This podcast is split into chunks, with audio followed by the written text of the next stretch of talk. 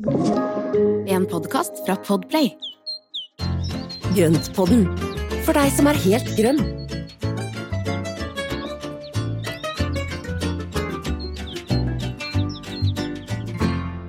Hei og velkommen til Grønnpodden nok en gang. Hu hei, Espen. Hei, Marianne. Altså, jeg spør som vanlig, går det bra? Nei, ikke i det hele tatt. Nå går det skikkelig dårlig. Er det sånn nei, nei. tegn på at du er lei det spørsmålet? Nei. Nei, vet du hva, det går så bra. Det er, eh, Ja, det det, som, det, som, det beste av alt, det var at det var regna litt nå i starten på uka. Så vi fikk vanna opp eh, noe av bedene og sånn, for det, begynte å bli ganske tørt hjemme. Ja, men så godt. Her hos der jeg sitter, så er det ikke så mye regn, så jeg, jeg vanner sjæl. Ja, Ja. Det går, går det òg? Ja, Ja. gjør det. Det begynner å bli litt tomt i det badekaret som jeg har stående i kjøkkenhagen, som jeg pleier også å bruke til å, å vanne med. Mm. Så, så nå må jeg fylle på litt. Og bruke Ja, men det er jo veldig greit. Ja. Men det er jo, heldigvis så er det jo ikke noen vanningsrestriksjoner her ennå, sånn at det er jo fritt fram å bruke ganske greit med vann enda, da. Mm, absolutt. Ser det trengs. Mm. Men du, nå er det jo snart ferietid. Ja, det er det. Ja, hva Gleder skal du gjøre i ferien? Ja, gud, vi gleder oss. Absolutt. Ja. Nei, jeg skal, jeg skal bare være hjemme, jeg. Jeg skal hjemme og kose med potteplantene mine. Deilig. Ja. Jeg skal også for det meste være hjemme. Ja. Nei, det blir nok litt grann småturer, og da er det å håpe på at det blir brukbart vær. Eh, Mm. og ikke altfor varmt, og ikke for mye vind, Ja. For deg eller for plantene, tenker du for på? plantenes del. Ja. Alltid plantene først. ja, ikke sant. Og det er jo det vi skal snakke om i dag. Mm. Rett og slett. Feriehagen. Er det mulig å holde en hage i live og samtidig reise bort fra den på ferie? Altså, og hvor lenge kan man være borte? Det er, det er veldig mange som lurer på det her nå før, eh, før vi tar, tar fri. Ja. Så, så vi fant ut at det, det må vi ta en prat om. Ja, og så er det jo ganske mange ting vi kan gjøre og legge til rette for at det skal funke. Og sånn at vi slipper å liksom, ha ferie med høye skuldre og lure på hvordan det går hjemme. Nei, men Supert, Espen. Det her eh, blir et nyttig, nok et nyttig eh, tema for oss. Uh, ja, ikke for deg, da. Du vet vel alt fra før. Nei, men, nei, nei jeg, det er mye jeg ikke vet. Og du kan Jeg tro gleder meg har- veldig til deg. Og du kan tro jeg har gjort mye feil. Det har jeg, så det er mye basert på egne erfaringer også, dette her. Ja, men det er jo nesten holdt på å si det beste. Ikke, ikke når du står midt oppi det, men det er veldig greit å ha litt uh, hands on erfaring. Men det jeg tenkte på før vi begynner med disse konkrete tipsene, så Mm. jeg syns du er så flink til å forklare på en måte um, utgangspunktet da, for Mm. hvorfor vi må gjøre noe. Så hva er det vi kjemper imot, tenker jeg. Kan du si noe om det? Altså når det gjelder planter om sommeren, hva er det Ja. som er eh, slitsomt for dem? Ja, og det er jo da egentlig da i forhold til uttørkning, så er det rett og slett at det, alle plantene de trekker jo da vann fra røttene og opp i, i planta. Og opp i da blader og stilker og blomster og, og overalt. Og i alle blader og blomster så er det jo små porer som da vannet fordamper fra. Ja, Okay. Og det at vannet fordamper fra bladene gjør at den klarer å trekke opp enda mer, for da blir det undertrykk inni stilkene, og så gjør det at den klarer å trekke opp enda mer fukt fra bakken. Så det er jo den transporten av eh, fuktighet som da går fra røttene opp i planta, og så fordamper det til, eh, til lufta omkring. Så det er liksom sånn det skal være. Det er sånn det skal være. Og det som vi da opplever på sommeren, det er jo at for eksempel så er jo sola den er jo med på å tørke ut fordi den er varm, og da vil jo da den fordampningen gå mye fortere. Men noe av det verste er jo faktisk vinden. Ja. Fordi at det, når da vann fordamper fra bladene, så vil det ikke fordampe like fort hvis det er veldig fuktig i lufta rundt. Å, ja, ja, ja, ja. Så jo fukt- sånn for, Ja, Så for, jo fuktigere det er i lufta rundt planta, jo mindre vil det fordampe, og jo langsommere vil den tørke ut. Akkurat. Det er så derfor vi vinden liksom bare øker fordampinga. Ja, for at, sant, da transporteres da den fuktige lufta bort fra planta, og så kommer det da mye ny tørr luft til eh, rundt bladene. Og dermed så vil det fordampe mye fortere. Og det er jo derfor vi satte plastpose over hodet på stiklingene våre, som vi har snakka om her tidligere. Er Rett og slett for å holde luftfuktigheten så høy at det ikke fordamper fra bladene. Smart. Så det, Ja, det er, er jo, så det er jo en av de tingene som er Det er det vi, en av de tingene vi prøver å unngå. Og så er det da i tillegg til at når da planta står ute på en, altså på en solfylt, vind, vindfull dag, så vil den egentlig da hele tiden måtte jobbe med å trekke opp nytt vann, trekke opp nytt vann, og så klarer den ikke alltid å gjøre det, selv om det er fuktig i jorda. Så mange kan jo oppleve det at plantene henger med hodet selv om det da er fuktig i jorda og på en fin sol, solskinnsdag med litt vind. Og eh, det gjør rett og slett at det, da er det ikke, klarer den ikke trekke vannet fort nok opp. Og Derfor så er det veldig lurt å vanne på kvelden når da det er stille og det ikke er sol, og da trekker planta opp fuktighet gjennom natta, og så er den skikkelig saftspent og fin til, til, eh, til morgenen. Mm, så da gir du den et forsprang. Mm. Så da er den liksom klar for en ny dag. Og alternativt, hvis du da ikke husker det på, på kvelden, så vann gjerne på tidlig på morgenen, før sola går opp, eller før, ja, hvis man er våken så tidlig, da. Det er, det er, Sett vekkerklokke. Jeg gikk ut klokka sju i dag morges. Jeg synes, altså det var, føltes litt seint, men det, jeg klarte det før det ble for mye sol på, på, i kjøkkenhagen. Ikke sant? Men tenk på Mm. altså, den tiden der, den er så nydelig ute i hagen. Det er stille, Ja, og plantene driver og våkner opp, og fuglene er i gang. Og, altså, det er jo den beste tiden på døgnet. Mm. Ja, men Det er helt herlig. Og så ligger jo den kjøkkenhagen litt sånn for seg sjøl. Mm. Så da kan det være at jeg kommer på, liksom, på besøk når det er masse det er villfugler og små harer og sånn som hopper rundt rundt du har Så jo er hele, så hele naturen inne i hagen, du. Så det, Ja, så det er nesten så jeg føler at jeg liksom trenger meg på. Ja. Så det er en morsom følelse. Ja, det er godt. Nei, det er kjempefint. Og det er, jo da, det er jo da den tiden som det er veldig fint å vanne på, er tidlig på morgenen eller da på kvelden. Så, så er det jo da i tillegg så kan vi jo da, de andre forutsetningene som vi har i forhold til tørking, det er jo det at man bruker planter som da er litt tørketålige. Og det kommer litt an på hvor mye jobb man har lyst til å legge ned i vanningen også. Og har du da planter eller stauder da med dype røtter som da er, eh, som er godt etablert, så vil jo de tåle mye mer enn f.eks. En, en ettårig sommerblomst med et grunt rotnett. Akkurat. Dype røtter. Ja. Hvordan vet man at man har en dyp rot? Altså det kan du til en viss grad trene plantene opp til å få. Eh, noen har jo naturlig dype røtter, og noen da vil jo ha et mye grunnere rotnett, og det er litt avhengig av plantetype, så jeg tenker det må man sjekke litt opp også. Eh, Ja. Men eh, så er det jo planter som tåler mer tørke, og det er jo da litt tykkere blader og tykkere stilker som gjør at de har litt mer fuktighet å, å, å holde på. Mm.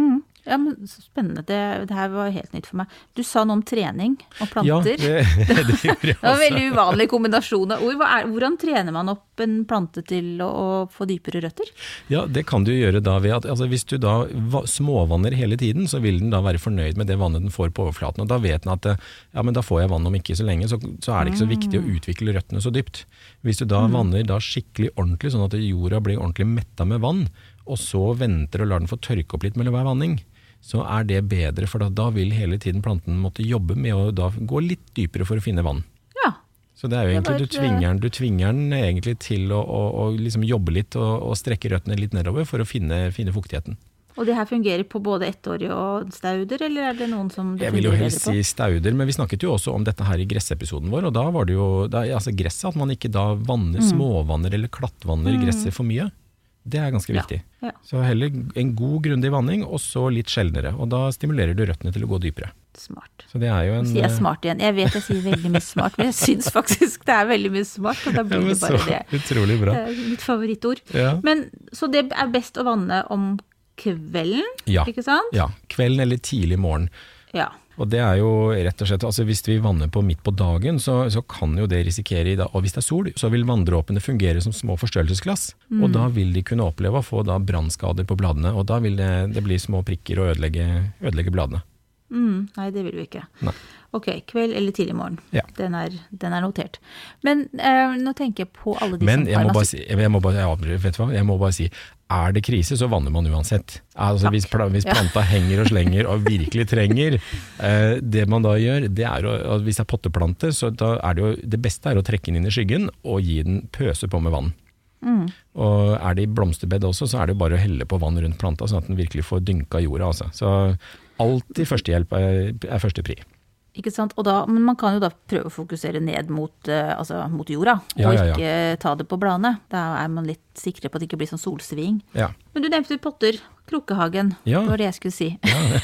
hva, hva, hvordan, hva, det er jo også en eh, det er jo en egen type hage, holdt jeg på å si. Er det noen spesielt eh, er jo- forutsetninger de har? Ja, egentlig så er det jo det, og det er jo veldig mange som har krukkehager nå på terrassene sine og, og balkonger overalt. og der, Det jeg vil anbefale der, er å velge krukker med større jordvolum, og da unngå småpotter. For at de småpottene de tørker ut umiddelbart, så det er liksom, de holder en dag, og så er de kjempetørt, og, og kanskje ikke det engang.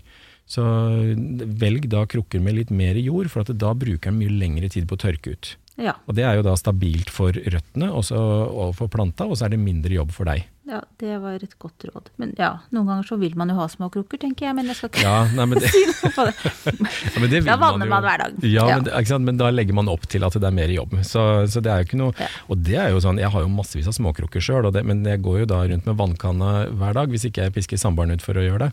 Og jeg får Mm. jo veldig god hjelp heldigvis, for man kan jo vanne seg i hjel hvis det er for mye. Det I know. Um, men jeg tenker, i og med at vi nå skal snakke om feriehagen, så er det jo litt det med å reise bort og sånn. Og Mm. da vil man jo da, ut fra det du har sagt nå, så tenker jeg at noe av det viktigste er jo da at man skal prøve å forhindre uh, fordamping, Mm. ikke sant? Ja. Så da, det jeg gjerne vil ha svar på nå, Espen, er hvilke grep eh, kan man ta?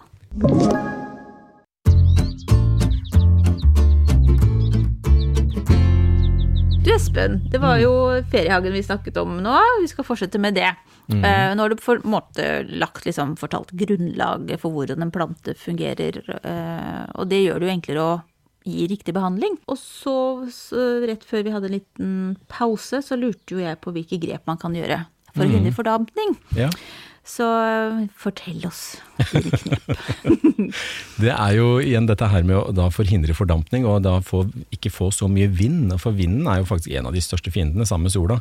Og eh, hvis man da klarer å bygge opp hagen sin, slik at det da er noe busker og trær som kommer litt opp, slik at ikke all vinden bare blåser over hagen og, og feier bort all fuktighet som er i lufta, så vil det holde seg mye bedre.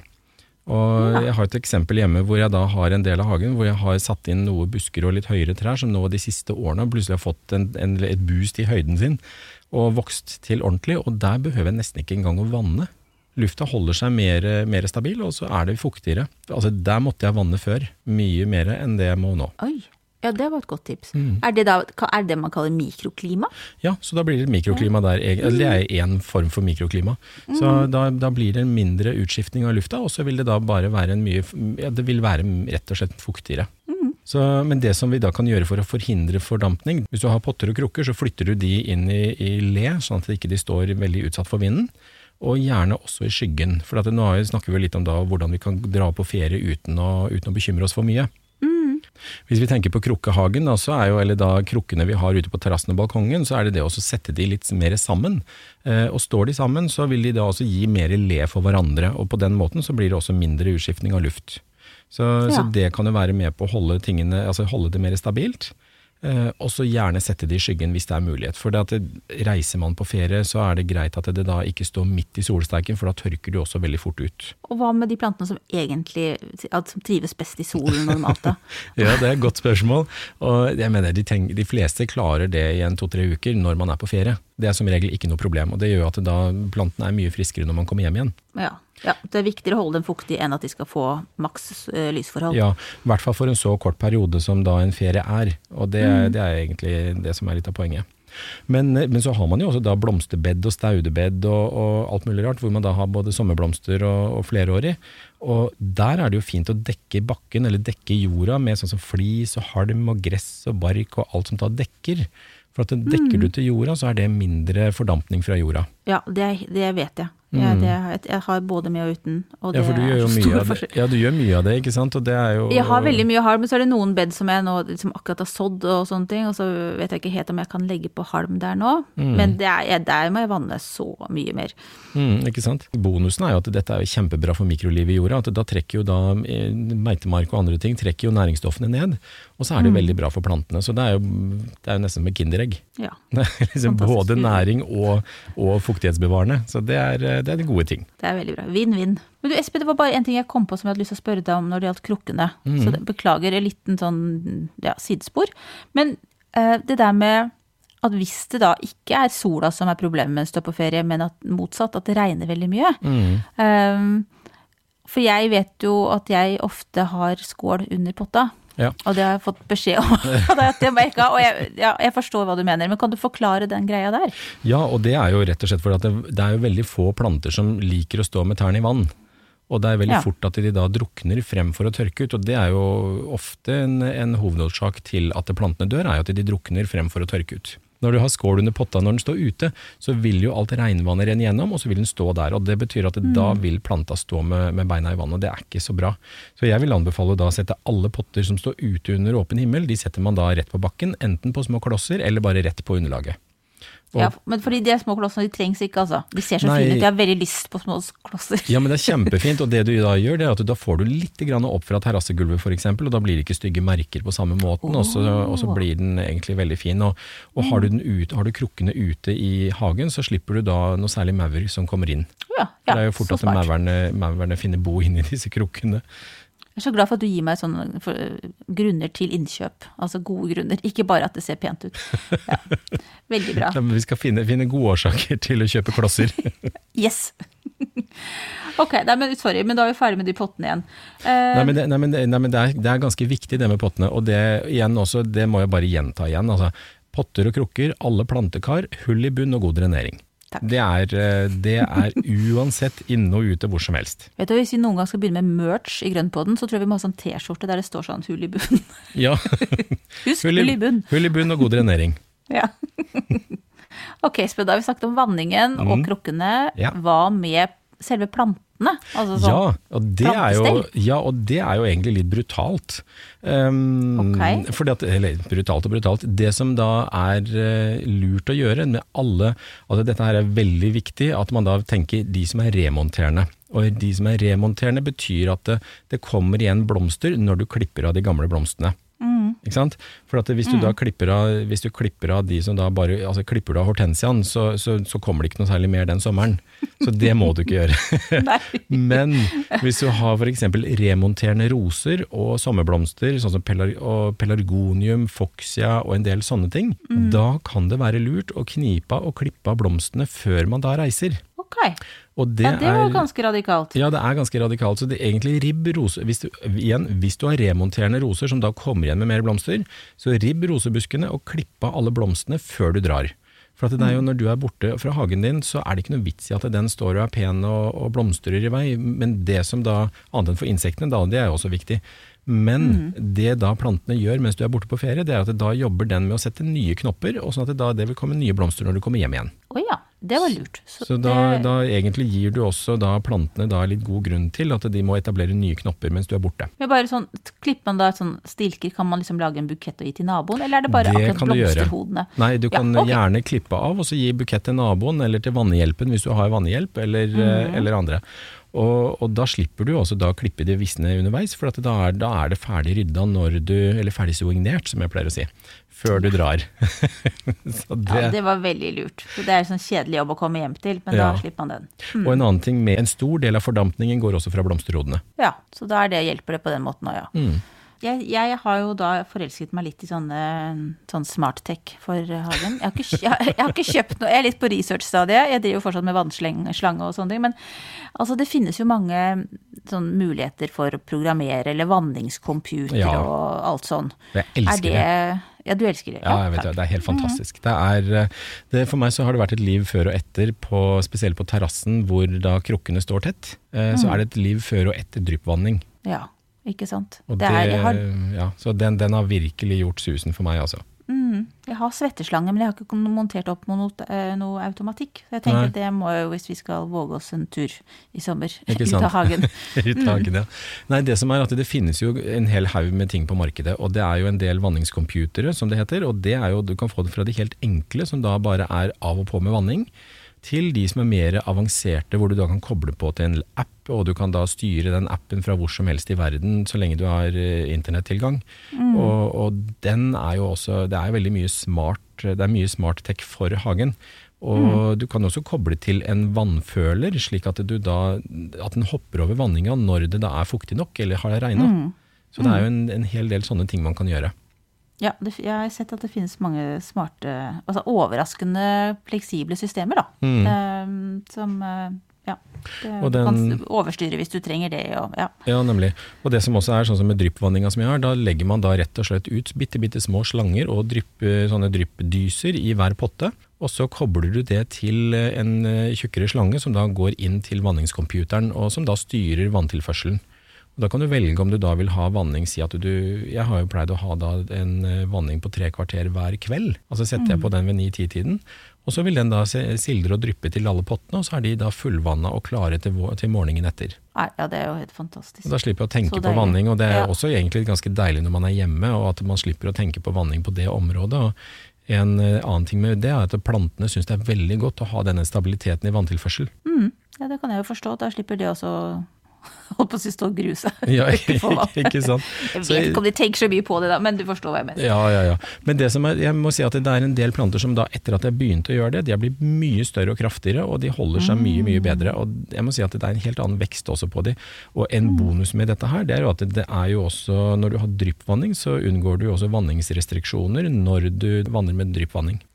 Ja. For da har du så lokal vanning at da blir det som å vanne med kanne. Akkurat, så det går liksom inn under samme kategori. Ja, Mm. men eh, så bra. Og så er det jo små tenker... vannmengder det er snakk om egentlig, for det kommer ikke noe vann noe andre steder enn akkurat der det skal være i krokene. Ja, nei, jeg tenker på det at når jeg, som i dag morges når jeg sto der og vanna, det er jo liksom det er jo vann overalt. Men jeg har som sagt også dryppslanger, og det, jeg ser jo forskjellen på eh, Ja, det er mindre, mindre svinn, da. Mm. Mm. Ja, så så jeg også noe, eh, for jeg har jo da gjort litt research, og det finnes jo også sånne vanningssystemer som ikke du må koble til strøm, men som går på en som, drev, som jeg så som gikk på solcelleenergi. Ja, det gjør det. Så da kan man jo ha den altså, overalt, da. Ja, ja, ja. jo- Og du kan bare henge den oppi en tønne med vann, og dermed så har du, for da kan du ta vare på regnvann i en tønne, og så kan du henge den, den lille motoren oppi der med solceller på, og dermed så vil det pumpes ut til, til potter og kar i nærheten. Det Så det funker jo også veldig bra for balkong og, og terrasser. Mm, elsker sånne løsninger. Ja. Ting som gjør det enklere, det er jo det som vi altså Vi snakker jo mye om dette her, altså, det skal ikke være så komplisert. så Hvis man da klarer å rigge opp noe sånt, så, er det, så er det jo, sparer man seg sjøl for masse jobb, altså. Én ting mindre å tenke på, så kan Mm. man kose seg mer med det som alt det andre som gjenstår. Nemlig. Men du, eh, jeg tenkte litt på at det er én ting er jo å ha en hage eller balkong selv, s- og så forberede. Men eh, det er jo også ofte at man får spørsmål om å være vannhjelp. Ja. Det kan føles litt sånn, hvis man da skal hjelpe noen som har en fantastisk fin hage, så kan det jo føles litt sånn eh, litt skummelt. Ja. Har du noen tips? Jeg har spurt eh, folk om å være vannhjelp hos meg, og da, da blir det med skrekkblanda fryd, eh, responsen. Jeg. Men jeg skjønner godt hva du mener. Det er, det er jo et lite ansvar i det. Og, og det er ikke noe gøy å liksom ha ansvar for en hage og skulle vanne, og så kommer eierne hjem igjen, og så er alt sammen Ørken? på halv tolv. Ja, ørken, eller at det er overvanna. Ja, uff. For det er jo veldig fort at man da bare skvalper på, ikke sant? og så vanner i vei, og, og så er det ikke alltid nødvendig. Mm, er det et tips? Det er et tips. Sjekk om planta er- faktisk trenger vann. Og det er jo det, altså Stikk fingeren godt ned i jorda, kjenn etter om det er fuktig. Og er det tørt, så skal den ha vann, og hvis ikke, så, så kan man godt hoppe over den gangen. Det er lov på det òg. Ja, og det er liksom heller litt for lite enn for mye, og det, det er jo en av de tingene.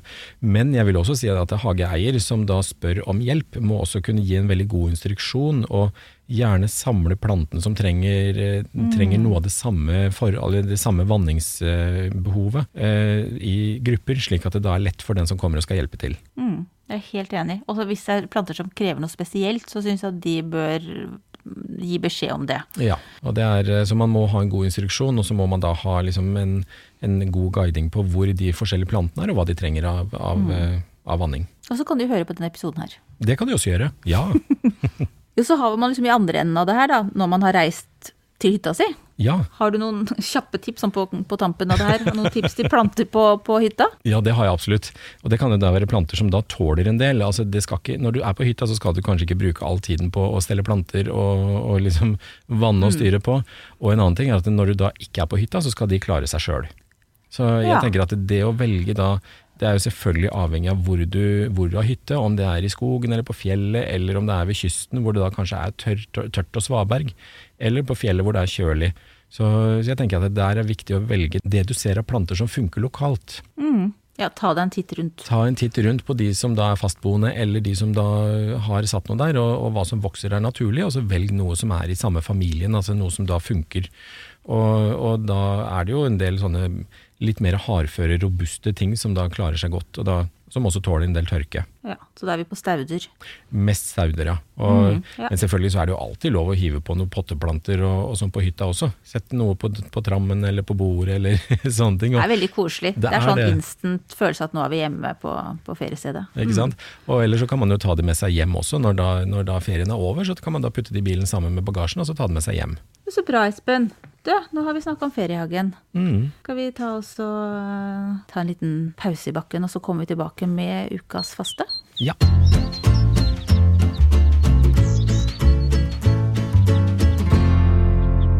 Ja, Espen, er du klar for ukas plante? Skal jeg prøve Ja. å lese opp navnet? Skal jeg prøve? Colocasia esculenta. Ja. Har du et annet navn på den? Taro. Dette Taro, her ja, det er ja, eller den blir også kalt for elefantøre, og det ser man jo ut Mm. fra bladene, for at det er altså en vanvittig kul plante. Den er veldig fin. Den er, ser veldig eksotisk ut. Ja, og det er jo en av de tingene på terrassen og balkongen og, og for øvrig i hagen, så er det det også. Jeg er jo veldig glad i det å bruke store blader, altså store bladfasonger som gjør, altså du får et veldig sånn eksotisk preg med en gang du har inn da store planter, altså store blader. Og det at den er litt sånn overdimensjonert virker jo veldig sånn annerledes og, og er veldig gøy. Og kolokasian er jo virkelig en av de, for at den kan jo da vokse opp og bli enorm, og har blader som er jeg vet ikke, 70-80 cm i lengde og en eh, 40-50 cm brede i krukke, eller det er i hvert fall sånn, det sånn som den pleier å bli hos meg. Er Kjempefin form på den. Ja, og det er eh, store, litt hengende, og den, eh, den får et veldig fint mønster i det grønne, og den, eller fine sjatteringer. Og så er den utrolig spennende å ha i potte sånn eh, på sommerstid. Elefantør, eller kolokasen, kalles jo da også for taro. Og jeg vet ikke, Taro kjenner man jo til som en spiselig, spiselig plante, ikke sant? Og den kan jo da tilberedes, og det er mye stivelse i den, men den, eh, den knollen kan jo da oppbevares da gjennom vinteren, Og bli ny plante. og bli ny plante. Er Eller et ikke- måltid, hvis du virkelig Nei, man, man spiser ikke vennene sine. Nei. Nei, Det var sånn det var. ja. Og den, den knollen den, da, den kan jo overvintre sammen med georginene og, og tas opp da på høsten. Og Ja. eh, da plantes igjen på våren igjen, for den er litt stor å ha inne i stua. Den eh, tar jo da halve stua pluss litt til, så den, den er jo såpass stor i vekst, så den er vanskelig å få, få overvintra ordentlig. Ja, det forstår jeg. Så, men den tår, den, hos meg så har den da stått ute nesten fram til frosten kommer, og da kutter jeg den ned, trekker potta inn eh, og har den frostfritt, og tar opp knollene og, og legger de tørt og kjølig. Ja, Så det er egentlig sånn som uh, georginene, Mm. Stort sett. Akkurat det samme. Og eh, da setter jeg den i gang tidlig i vår, og har den da stående i drivhuset til den har kommet i ordentlig god vekst, og så setter jeg den ut igjen. Og da Mm. Så er vokser den nå? fort. Ja, nå er den ute. Og de vokser jo fort når de er i gang. Det er jo det, er jo det som er veldig spennende, for at det plutselig så kommer det opp blader som bare ruller seg ut og er kjempedigre. Så Mm. de er jo, det er jo veldig sånn hurtig vekst på de, og det er veldig gøy. Mm, kult. Så det var altså ukas plante er taro. Mm. Ukas Eller kalles også elefantøre. Elefantøre, ja. Mm. Elefantøre eller taro. Eller colocasia esculenta. Mm. Bildet kommer. Og da jeg, har, jeg, har, jeg har et bilde hvor jeg står sammen, skal få se forholdet på den, og hvor stor eh, Ja, størrelsesforholdet. Ja, kjempebra. Mm. Så bra. Ok, da hopper vi over til ukas spørsmål. Eh, og da er det en som lurer på hvordan man lager brenneslevann. Ja, og det er jo litt morsomt, for det er jo en av de virkelig gode næringsjusene vi kan lage til hagen, og det er jo altså, godt hjemmelaga, veldig kortreist, og veldig mange som har brennesle i hagen. Og da kan vi bruke den til noe, og det er jo rett og slett å lage brenneslevann. Og eh, det man da kan gjøre, det er å kjøpe en stor, fin dunk med lokk, og så sette den et sted i skyggen. Og da gjerne en sånn 50-60 liters dunk, hvis det er mulig å få tak i det. Og eh, lokket på, fordi, sånn, at det ikke, altså, sånn at det ikke det havner småfugl eller dyr som da ramler oppi av vannvare. For det er jo bare trist. Ja, uff, ja. Så Derfor så er det viktig å ha et lokk på den, sånn at det ikke det kommer noe oppi der som ikke skal være oppi der. Og I tillegg til at da holder man litt grann av lukta unna, for den lukter jo altså død og fordervelse når den er i gang. Lukter så jævlig. Altså, det, det, altså, det er så styggvondt. ja, ja. Så den, den, da vil jeg da fylt opp den dunken, si ja, en tredjedel eller halvparten med brennesle, og så fylle opp med vann. Og Mm. så lar du den stå i ca. tre uker, og da vil den begynne å fermentere og liksom begynne å boble rundt oppi der. Da kan man røre litt rundt en gang iblant. Det er lurt. Å ja, det har jeg ikke gjort. Ja. Nei, men det, Nei, men det er ja. bare sånn, Da, da, da vil du få bare vent litt om på massen og sånne ting. Og da, Ja, er en, eh, og da blir jo den veldig nitrogenholdig, og den blir veldig mye sånn næringsstoffer i den som er supert å vanne med. Så- Det verste er at nå har jeg så brukt det så mye at jeg syns den lukta begynner å bli litt sånn Altså det For meg så betyr det Jeg begynner å bli litt vant til det. Eller det er liksom sånn Den lukter like vondt, men jeg har et sånn positivt forhold til den, da. For jeg vet at det er bra for plantene. Ja, ikke sant. Ja, Det er jo en veldig god ting. Da, da har du brukt den mye, og det er jo veldig bra, for det er jo det er virkelig krutt for plantene. Og Mm. Det som man da kan gjøre når du, når du bruker den, det er å ta ca. 1 liter med brenneslevann til 10 liter vann. Og da vanne den ut, altså blande den ut med det. Og så vanne, vanne løs på alt av tomater, og agurker og potteplanter og det du har. Det er ganske sterk, da.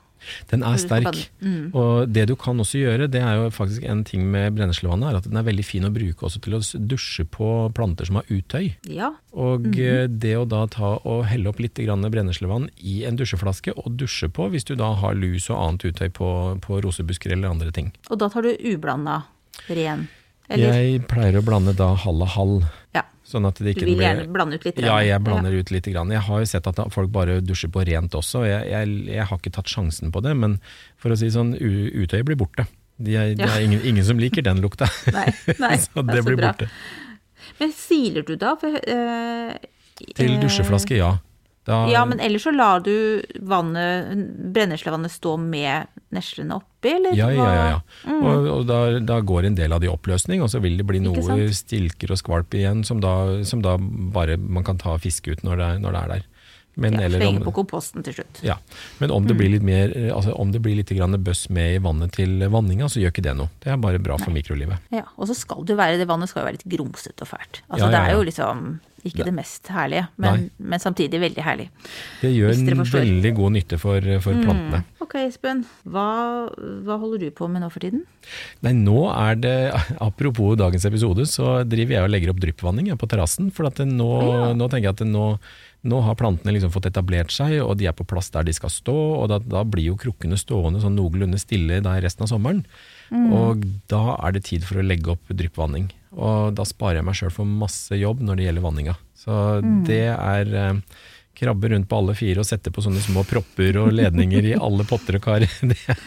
Koser du deg, tenker jeg. ja, men vet du hva, jeg gjør det, for jeg syns det er kjempegøy når man da kan se at det, og, det beste av alt jo, jeg elsker jo å drive med vann og vann, ja det vet man jo, men alt dette vannet jeg har i hagen.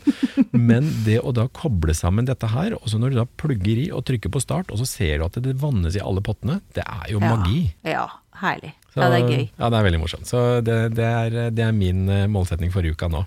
Mm. Men du da, hva skal du gjøre? Ja, jeg skal egentlig også holde på med litt vann. Ja. Men det blir veldig sånn på sånn eh, bokbasert. Eh, vi, har, eh, vi har litt lyst til å lage naturbasseng. Oi, så spennende. Eh, ja, det blir ikke i år, det blir kanskje neste år. Men vi må begynne et sted. Og så, så vi har skaffa oss en bok om temaet. En sånn grundig sånn håndbok, fagbok. Så jeg tenkte jeg skulle begynne å lese i den. For som regel så er det, er det min gemal som setter seg inn i alt det tekniske. Så tenkte jeg at denne gangen, det her har jeg også lyst til å lære. Så mm, det har jeg tenkt jeg skal gjøre litt eh, fremover. Så bra. Ja, det blir spennende. Det gleder jeg meg til å følge, altså, for det, det Ja. syns jeg virker veldig spennende. Men har dere tenkt å ha planter og ting oppi der òg, eller er det Ja, et naturbasseng er jo, eh, sånn kort fortalt, så er det jo at du bruker planter eh, til å rense vannet. Ja. Uh, ja. Så at du har da en del Og det her er sånn, som sagt, jeg har ikke lest boka ennå, men jeg har drømt om det i mange år, så jeg har liksom sett litt på det fra før. Eh, ene delen er da den bassengdelen som du kan bade i og sånne ting. Og så har du en ganske stor del som da der vannet renses. Så der er det liksom grus, og så er det spesielle sånne planter som passer oppi der, og så da er det liksom renses det da igjen. så spennende. Ja. Ja. men det blir jo det samme som sumpfilteret som vi snakket om i dameepisoden vår. Det. Det er ja, jo det er jo litt der sånn. ja, for det er samme som jeg bruk, ja, for det er samme som jeg bruker i, i, i hagedammen. Mm. Og det, da bruker du planten til å trekke ut mye næringsstoffer, og da funker det veldig godt, altså. Ja, så bra. Jeg tenkte kanskje at jeg skulle spørre, når vi kommer så langt, spørre deg om litt plantetips. Ja, spennende.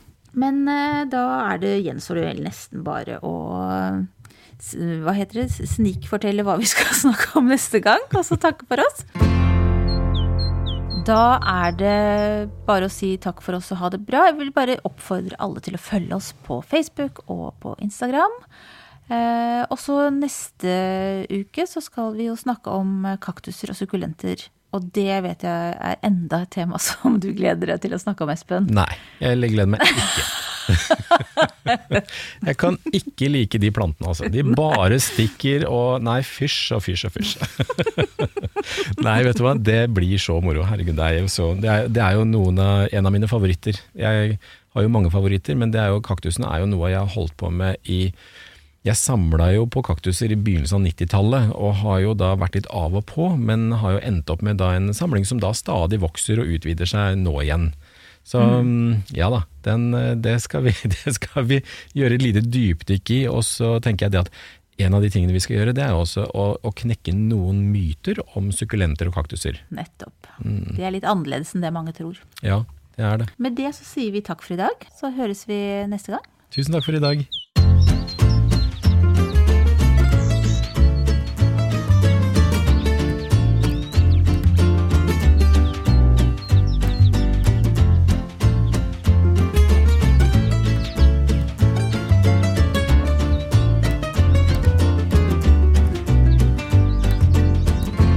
Du har hørt en podkast fra Podplay.